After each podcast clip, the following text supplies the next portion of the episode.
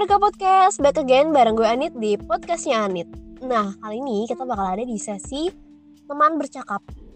Jadi, seperti yang udah pernah aku bilang Di episode kali ini kita akan membahas tentang salah satu cara untuk find yourself. Nah, sesi kali ini adalah uh, The way to find yourself before get into relationship. Dan sekarang juga aku gak akan ngobrol sendiri karena sesi ini adalah sesi uh, teman bercakap jadi aku bakal ngobrol sama salah satu teman aku yang uh, dia teman SMA aku. But sekarang dia udah ada di Jepang. Dia sudah menggapai mimpinya sejak SMA dan ini dia Ayumi. Hai. Hai Anit.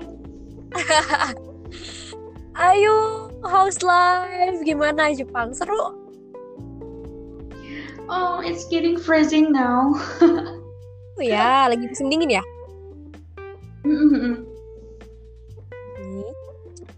Oke, okay, ayo.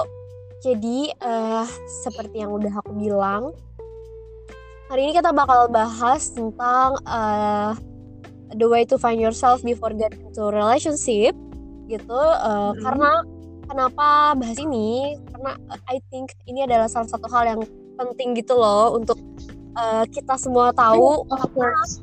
kita selalu ngerasa uh, kita selalu ngerasa kalau uh, apa ya kayak selalu bingung gitu loh kayak selalu menemukan bingung dalam menjalani hubungan terus kayak terkadang jadi nyalahin pasangan dan lain-lain gitu loh. Nah kali ini uh, aku juga sempat open question gitu loh di Instagram beberapa waktu lalu. Jadi kayak aku nanya gitu sama organisasi tentang kayak pernah gak sih kalian kerasa bingung tentang pacara uh, tentang sebuah hubungan yang lagi kalian jalanin gitu? Apakah salahnya di diri kalian atau di orang lain? Kayak gitu. Nah okay, sekarang kamu kita mau bahas tentang si uh, love language-nya ini gitu. Karena by the way aku juga tahu love language itu dari Ayu. Ya Ayu ya? Dan uh, begitu tahu mm -hmm oh ternyata penting ya ini buat buat buat kita semua tahu gitu. Aku sendiri deh gitu aku ngerasa kayak oh iya ya dengan gue tahu love language gue tuh itu sedikitnya membantu gitu bahwa oh gue tuh kayak gini ya gitu. Menemukan pada akhirnya menetapkan gitu loh kayak episode sebelumnya yang udah aku bahas hmm. dan ya gimana yuk menurut kamu tentang kesiapan kita untuk menemukan diri kita terlebih dahulu sebelum uh, get relationship lah gitu intinya ya kan? Oke. Oke oke. Ya jadi uh, karena tema hari ini tentang know yourself before getting relationship uh, menurutku kenapa penting? Karena sebaiknya sebelum kita menjalin sebuah hubungan kita harus tahu dulu apa kebutuhan kita uh, apa value kita dalam hidup dan apa yang mau kita lakukan dalam sebuah hubungan tersebut dan apa yang tidak mau kita lakukan dalam hubungan tersebut. Si. Sebenarnya untuk bisa mendapatkan pasangan yang sesuai banget sama kriteria-kriteria yang tadi aku sebutkan, sebenarnya mungkin agak sukar ya, tapi mm sebenarnya semua itu bisa disiasati dengan adanya kompromis. Ketika misalnya ada poin-poin yang uh, tidak sesuai, tapi bisa dikompromikan, itu bisa-bisa jalan aja sebenarnya asal memang bisa dikompromikan. Nah, untuk uh, gimana sih mungkin kan kita uh, masih bertanya-tanya gimana ya caranya kita bisa tahu apa yang kita butuhkan dalam sebuah hubungan kayak belum tahu cara gimana cara taunya gitu ya. Nah, yeah, salah yeah. satu caranya adalah dengan tahu love language yang kita miliki dan pasangan kita apa love language pasangan kita misalnya? Yang oke. Okay. untuk love language sendiri mungkin uh, ada yang mungkin ada yang belum tahu mungkin aku akan jelasin dulu love language itu apa. Love language ini bisa uh, menjadi dua apa ya dua arti. Yang pertama adalah bagaimana kita bisa merasa dicintai atau dihargai oleh pasangan oleh orang tua misalnya oleh teman dekat. Juga yang kedua adalah bagaimana kita mengekspresikan rasa sayang kita terhadap orang-orang tersebut gitu. Nah, love language ini terbagi menjadi lima. Yang pertama ada words of affirmation atau kata afirmasi. Orang-orang dengan love language words of affirmation atau kata afirmasi ini, dia merasa dicintai ketika mendapatkan kata-kata manis atau puji-pujian. Misalnya, hmm, uh, ketika pasangannya mengucapkan I love you, I miss you, atau kamu cantik deh hari ini, kayak gitu. Dia oh, merasa dicintai ketika pasangannya uh, secara verbal lah ya, secara verbal mengekspresikan cintanya. Nah, lantas yang membuat orang-orang dengan love language ini merasa tidak dicintai, tidak dihargai adalah ketika pasangannya mendap eh, pasangannya memberikan kritik misalnya. Dia merasa tidak yeah. dihargai dan tidak dicintai seperti itu. Nah, yang kedua ada quality time. Orang-orang dengan love language quality time membutuhkan uh, penyisihan waktu, penyisihan waktu, membutuhkan pasangannya untuk menyisihkan waktu di tengah-tengah kesibukannya. Misalnya, walaupun LDR, tapi tetap bisa uh, meluangkan waktu untuk telepon, untuk video call, misalnya di waktu-waktu tertentu yang sudah disepakati atau misalnya uh, walaupun sama-sama sibuk kerja tapi masih bisa meluangkan waktu untuk sekedar makan siang bareng misalnya gitu. Okay. Nah, lantas yang membuat orang-orang dengan love language quality time ini merasa tidak dicintai dan tidak dihargai adalah selain uh, misalnya workaholic nggak bisa nyisihin waktu dengan baik misalnya uh, contoh kecil aja contoh kecilnya misalnya ketika uh, orang ini lagi ngomong dan tapi pasangannya malah nggak nggak merhatiin gitu misalnya malah main handphone malah main game misalnya gitu yang ketiga ya yang ketiga itu ada physical touch eh, orang-orang uh, dengan love language physical touch ini dia merasa dicintai merasa dihargai ketika uh, pasangannya memberikan sebuah sentuhan fisik, bisa uh, holding hands, bisa hugging, kissing, cuddling, or maybe just cuman sekadar uh, sentuhan di kepala, di ubun-ubun, di pupuk doang itu udah cukup gitu. Nah, lantas yang membuat orang-orang uh, dengan physical dengan love language physical touch ini merasa tidak dicintai adalah ketika misalnya dia diabaikan. Diabaikan tuh jadi kita ambil contoh kasus ada orang yang suka dengan PDA. PDA itu public display of affection yang suka mengumbar mengumbar ya. Misalnya dia suka bermesraan di Misalnya ada orang yang suka mengumbar kemesraan di di publik gitu kan. Misalnya bu ke bukan kemesraan yang gimana juga ya misalnya holding hands atau lenje-lenje di mall gitu kan. Ya ya ya sih ada yang suka seperti itu dan ada juga yang tidak suka seperti itu. Misalnya ketika ada orang dengan uh, kesenangan terhadap PDA misalnya dia pengen hold tangan pasangannya tapi pasangannya tuh nggak suka PDA jadi misalnya pasangannya kayak apa sih gitu nah yeah, biasanya yeah, kalau yeah. gitu diumum akan merasa kenapa kenapa Iya, please dong ini diumum gitu loh, kayak buat pasangan-pasangan iya, iya. tentang PDA itu. Iya, betul. Makanya biasanya kalau yang PDA, yang yang pro terhadap PDA, terus pacaran sama yang gak suka PDA, nanti yang suka PDA-nya akan merasa kayak kok, kok gue diabaikan ya gitu. See, I see. Oke. Okay. Yang keempat yuk. Yang keempat, yang keempat itu ada act of service. Uh, biasanya orang-orang dengan love language act of service ini dia merasa bahwa aksi itu lebih besar daripada kata-kata. Jadi dia merasa dicintai ketika pasangannya melakukan sesuatu untuk dia, misalnya dimasakin atau dibantuin tugasnya, dibantuin kerjaannya, misalnya kayak gitu. Pokoknya dia senang kalau misalnya pasangannya bisa jadi lebih mudah gitu kehidupannya. Nah, lantas yang membuat orang-orang dengan act of service ini uh, merasa tidak dicintai atau tidak dihargai adalah uh, ketika pasangannya malah menambah beban hidup orang tersebut gitu. Iya, malah bukan ngebantuin malah nyusahin gitu jatuhnya. Nah, contoh contoh kecil contoh kecilnya adalah misalnya broken promises juga masuk ketika dia ingkar janji misalnya dia dia merasa hmm, merasa tidak dicintai gitu ketika pasangannya ingkar janji misalnya. Hmm. Lalu yang terakhir yang terakhir ini adalah gifts.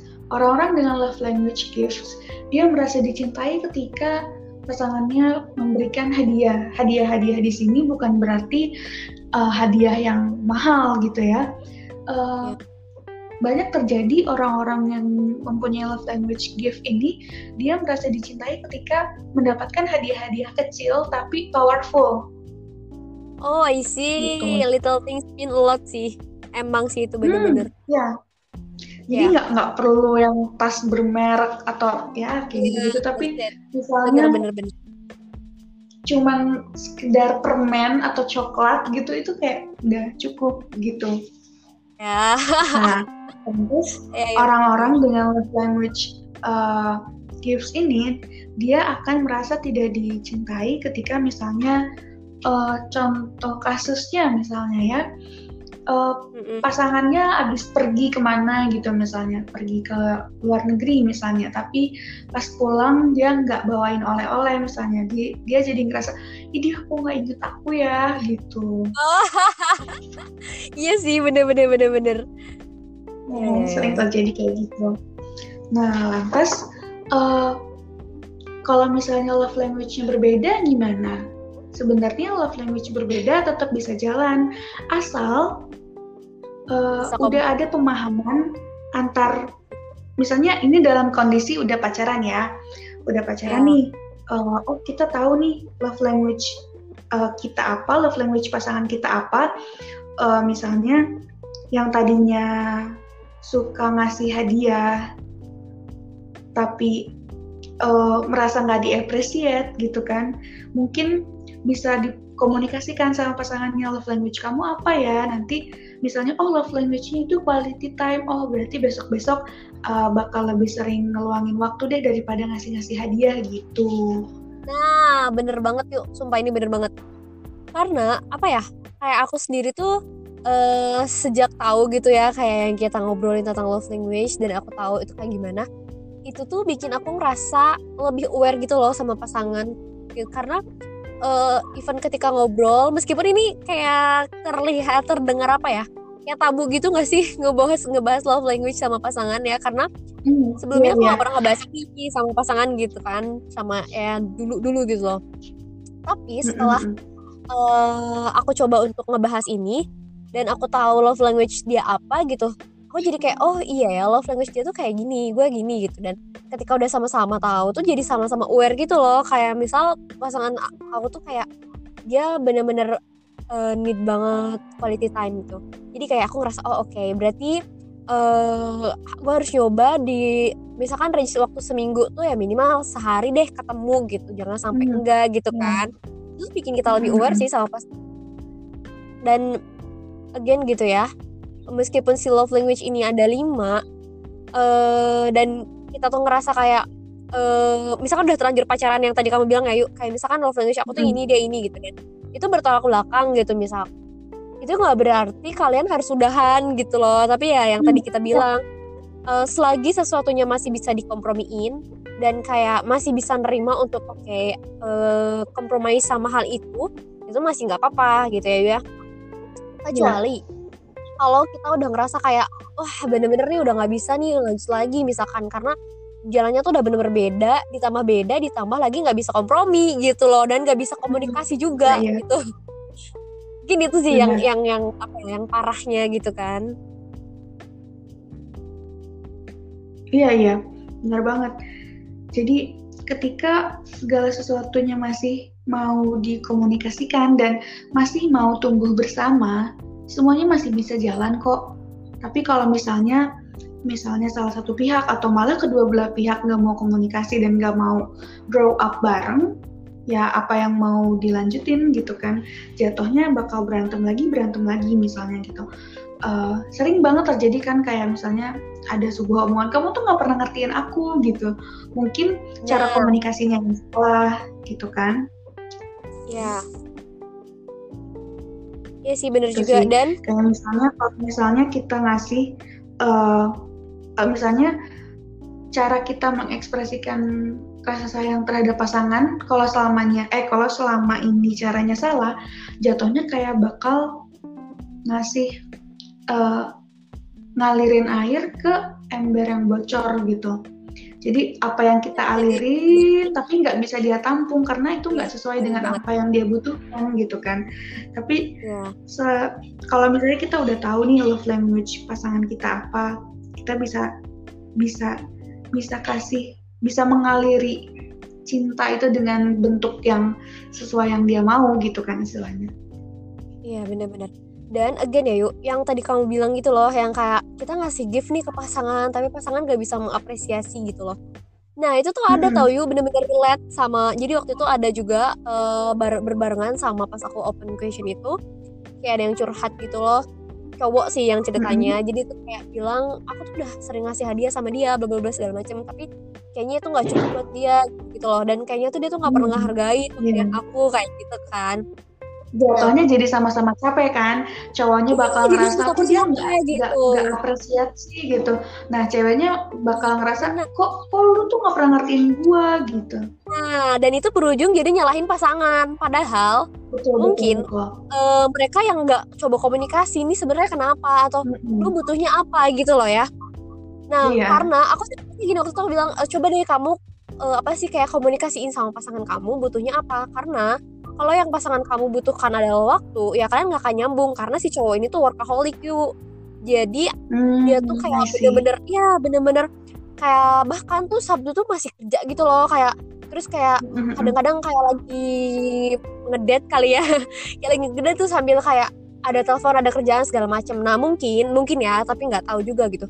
Mungkin memang apa yang dibutuhin ceweknya tuh nggak cuma gift tapi kayak eh, waktunya waktu yang lebih terus kayak nggak nggak diganggu sama hal-hal kerjaan maybe kalau ketika lagi Iya. bareng-bareng gitu kan Mm-mm. itu dan Iya. situ aku merasa ini ini bener banget sih gitu kayak cowoknya ngerasa capek dan aku nggak nggak nggak nyalahin ceweknya juga karena ya itu tadi aku aku merasa kayak oh mungkin ada sesuatu yang ceweknya butuhin tapi bukan itu gitu dan Hmm, ketika iya, iya sih. dan ah dan ketika kalian udah tahu tentang si love language ini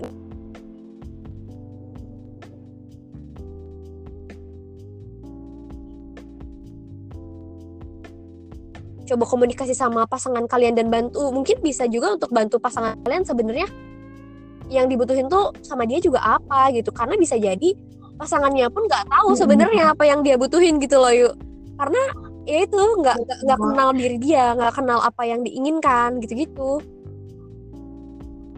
Iya, iya.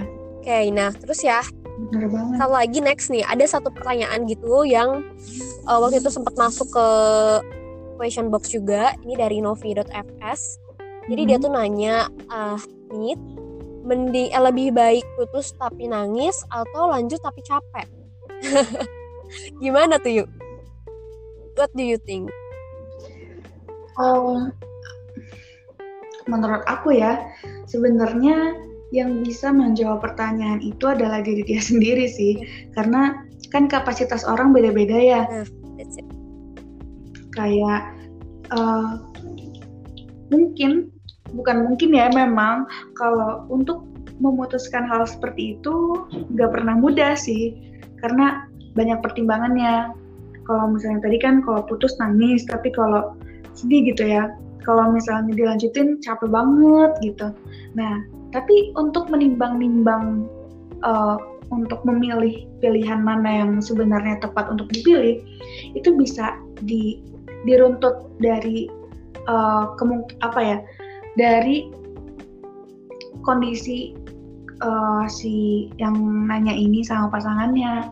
Misalnya uh, berarti kan ada yang ada yang gak beres nih there is something wrong with uh, their relationship kan kita bisa kayak bedah dulu nih masalahnya apa gitu misalnya kali ya uh, apa aja yang Mm-mm. apa yang apa yang ceweknya uh, permasalahkan dari cowoknya apa yang cowoknya permasalahkan dari ceweknya misalnya kan udah ada poin-poinnya tuh.